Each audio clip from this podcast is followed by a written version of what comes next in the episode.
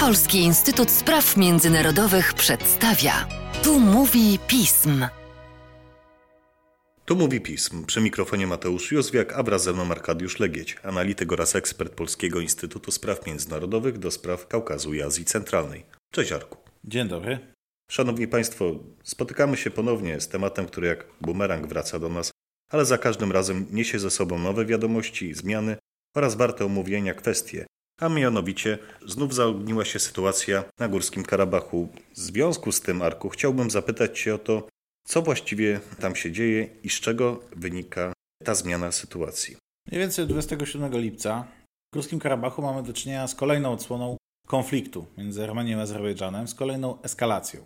Konkretnie jest to kolejna eskalacja, która jest inicjowana przez stronę azerską, czyli przez stronę silniejszą, która mimo wszystko rozdaje karty w tym konflikcie.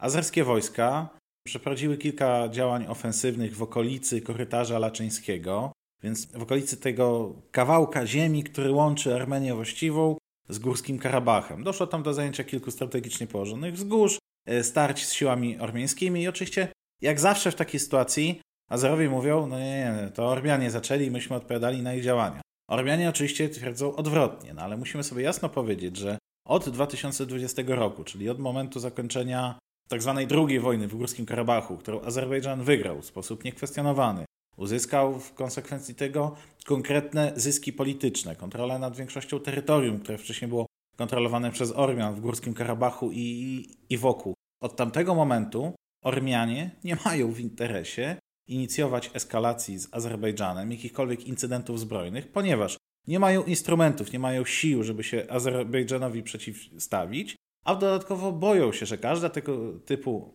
nawet mały incydent, może przerodzić się w coś większego, co będzie znowu powodowało utratę terytorium, kolejną porażkę Ormian na froncie i Ormianie tego po prostu nie chcą.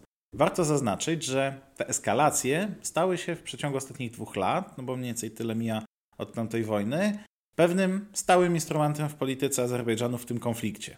Gdzieś tam w tle toczą się negocjacje pokojowe, dyplomatyczne, o których sobie zaraz powiemy, ale równolegle do nich Azerbejdżan utrzymuje stałą presję militarną wobec Armenii. Nie wystarczy, że dwa lata temu Azerbejdżan wygrał konflikt, ponieważ wówczas wszystkie cele w polityce Azerbejdżanu nie zostały zaspokojone, a nawet gdyby były, no to konflikt o Górskie Karabach i tak jest potrzebny elitom e, władzy w Azerbejdżanie, żeby legitymizować swoją władzę przy, przy wykorzystaniu tego konfliktu, no bo przecież nie zrobią tego w sposób demokratyczny, ponieważ takich wyborów w Azerbejdżanie nie ma.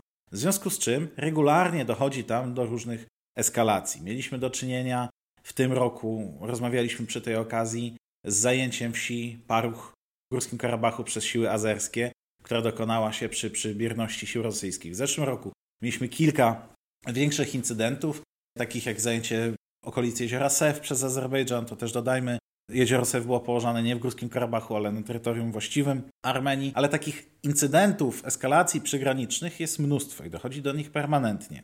I co jest istotne, od 2020 roku w Górskim Karabachu stacjonują rosyjskie siły pokojowe. Około 2000 żołnierzy, do tego funkcjonariusze FSB, pracownicy Ministerstwa Spraw Nadzwyczajnych. Rosja wysłała ich tam po to, aby po pierwsze zapewnić swoją obecność w tym regionie, to jest pierwszy cel, ale drugie, żeby mimo wszystko przeciwdziałać kolejnej wojnie, kolejnej poważnej eskalacji. I powiedzmy sobie szczerze, że Rosja mając poważny kontyngent w Górskim Karabachu, a do tego jeszcze mając bazy, czy też bazę, zależy jak to sklasyfikujemy, w samej Armenii, no ma wystarczająco instrumentów, aby faktycznie sytuację na miejscu kontrolować. No i jeżeli w interesie Rosji nie jest doprowadzenie do jakiejś większej eskalacji przez Azerbejdżan, która mogłaby prowadzić do odwrócenia obecnego status quo w Górskim Karabachu, to do takiej eskalacji nie dochodzi. Niemniej jednak dochodzi do takich pomniejszych incydentów. Drobnych incydentów podsycających. Tak, które mają charakter permanentny i które dzieją się pomimo obecności rosyjskich mirotworców tam na miejscu. Wielokrotnie dochodzą do nas informacje o tym, że mirotworcy, często będąc na miejscu tego typu eskalacji, wręcz przyglądają się działaniom azerskim. Co to może oznaczać? W mojej ocenie nie oznacza to, że Rosja nie ma instrumentu, żeby tym eskalacjom przeciwdziałać, ponieważ ma te instrumenty. Skoro więc im nie, nie przeciwdziała, no powinniśmy sobie odpowiedzieć dlaczego. W mojej ocenie dzieje się tak dlatego, ponieważ o ile duża eskalacja, duża wojna, duże przewartościowanie sytuacji bezpieczeństwa byłoby Rosji nie na rękę, ponieważ podważałoby rosyjskie kompetencje do zapewnienia pokoju, stabilności, bezpieczeństwa, do którego się zobowiązała, ale tego typu mniejsze eskalacje, no one właśnie podkreślają rolę Rosji jako mediatora i jako tego czynnika stabilizującego tam na miejscu. No i potrzebę zachowania tych wojsk, tak? Nie tylko. Potrzebę zachowania wojsk, oczywiście, ale również pokazują światu, nie tylko Armenii, nie tylko Azerbejdżanowi, które i tak są w jakiś sposób związane tym konfliktem z Rosją, ale także innym państwom zaangażowanym na Kaukazie Południowym, czy też zaangażowanym, zainteresowanym stabilizacją tego regionu, że bez Rosji nie da się tam porządkować sytuacji. No i zyskuje to tym większego znaczenia w kontekście sytuacji, z jaką mamy do czynienia od lutego. A mianowicie Rosja od lutego prowadzi wojnę na Ukrainie, w konsekwencji której została poddana międzynarodowemu ostracyzmowi, międzynarodowym sankcjom. Formaty, które dotychczas funkcjonowały z udziałem Rosji, formaty negocjacyjne, dyplomatyczne, robocze, one nie funkcjonują. W związku z czym Rosja, rosyjska dyplomacja, rosyjskie elity poszukują tego typu wyłomów, tego typu obszarów, w których Rosja może stać się na tyle nie, nawet nieatrakcyjnym, ale po prostu ważnym partnerem nie do ominięcia, że partnerzy zachodni, tacy jak Stany Zjednoczone, jak Francja, jak inne państwa, dla których sytuacja na Kaukazie jest ważna, będą musiały z Rosją rozmawiać, będą musiały wznowić dialog polityczny z Rosją. Więc poprzez takie rozedrganie sytuacji, kontrolowane, ograniczonej skali, Rosja liczy na to, że udaje się wznowić chociażby w ograniczonym stopniu dialog polityczny e, z państwami zachodnimi. No ale tutaj jest jeszcze też drugi element. Od zakończenia wojny w 20 roku aż do dzisiaj wykształciły się dwa nowe formaty negocjacyjne w ramach mm, negocjacji pokojowych między Armenią i Azerbejdżanem. Do wojny w Górskim Karabachu w 20 roku tego typu rola była zarezerwowana dla tzw. Tak grupy mińskiej, w skład której obok Armenii i Azerbejdżanu wchodziła właśnie Rosja, Stany Zjednoczone, Francja.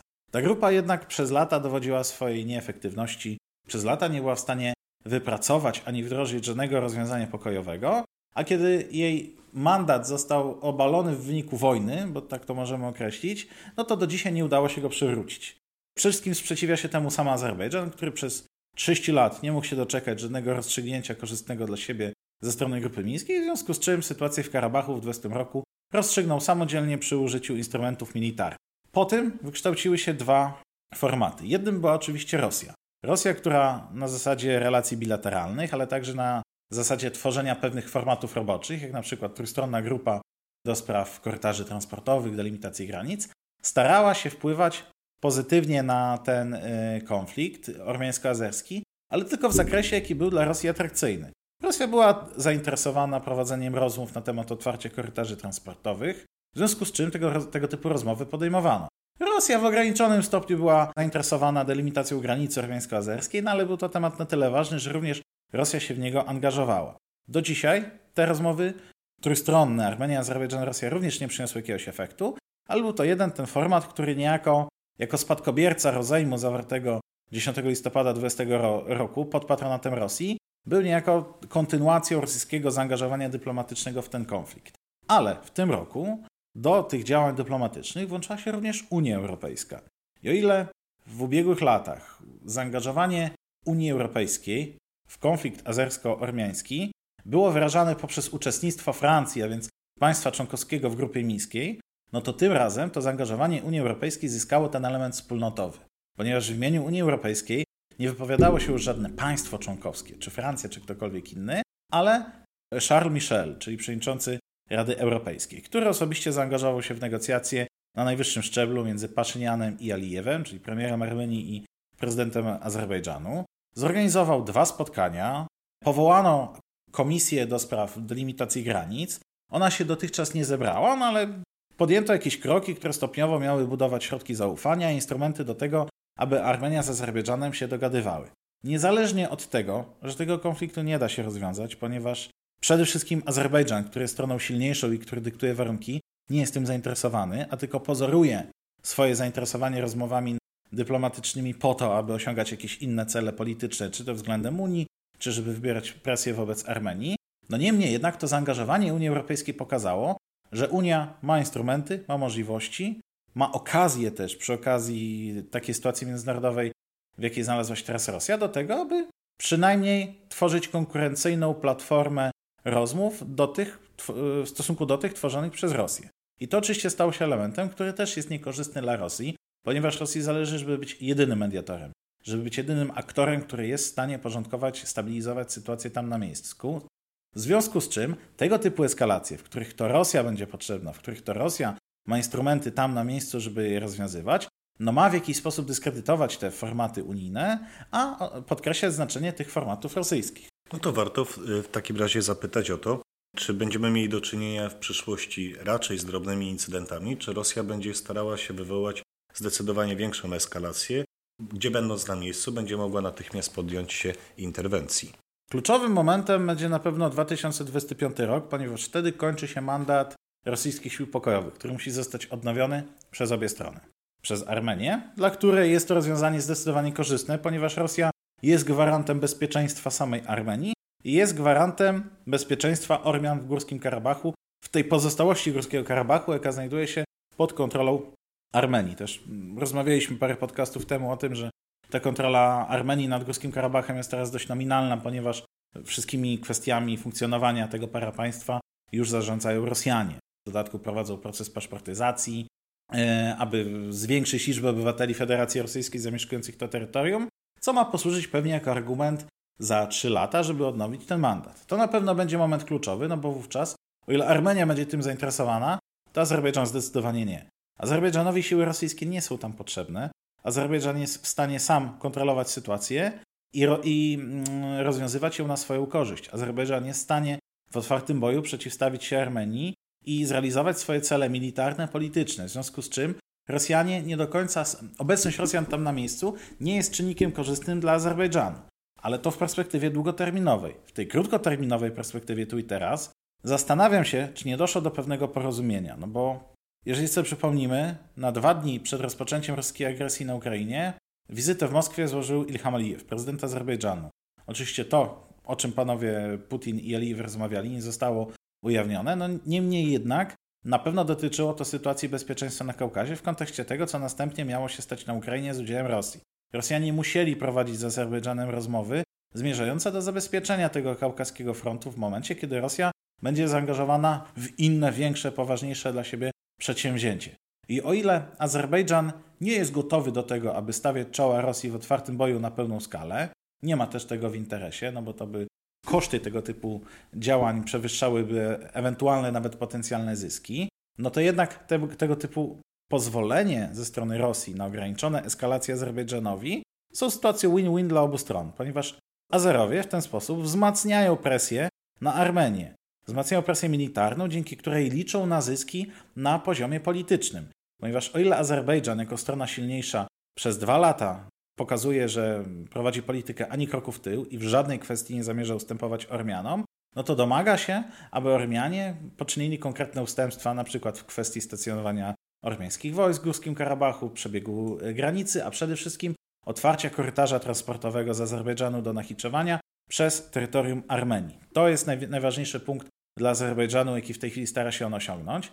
A mając przyzwolenie Rosji na to, że tego typu drobne eskalacje będą przez nią tolerowane, no ma możliwość do tego, żeby taki nacisk na Armenię wywierać.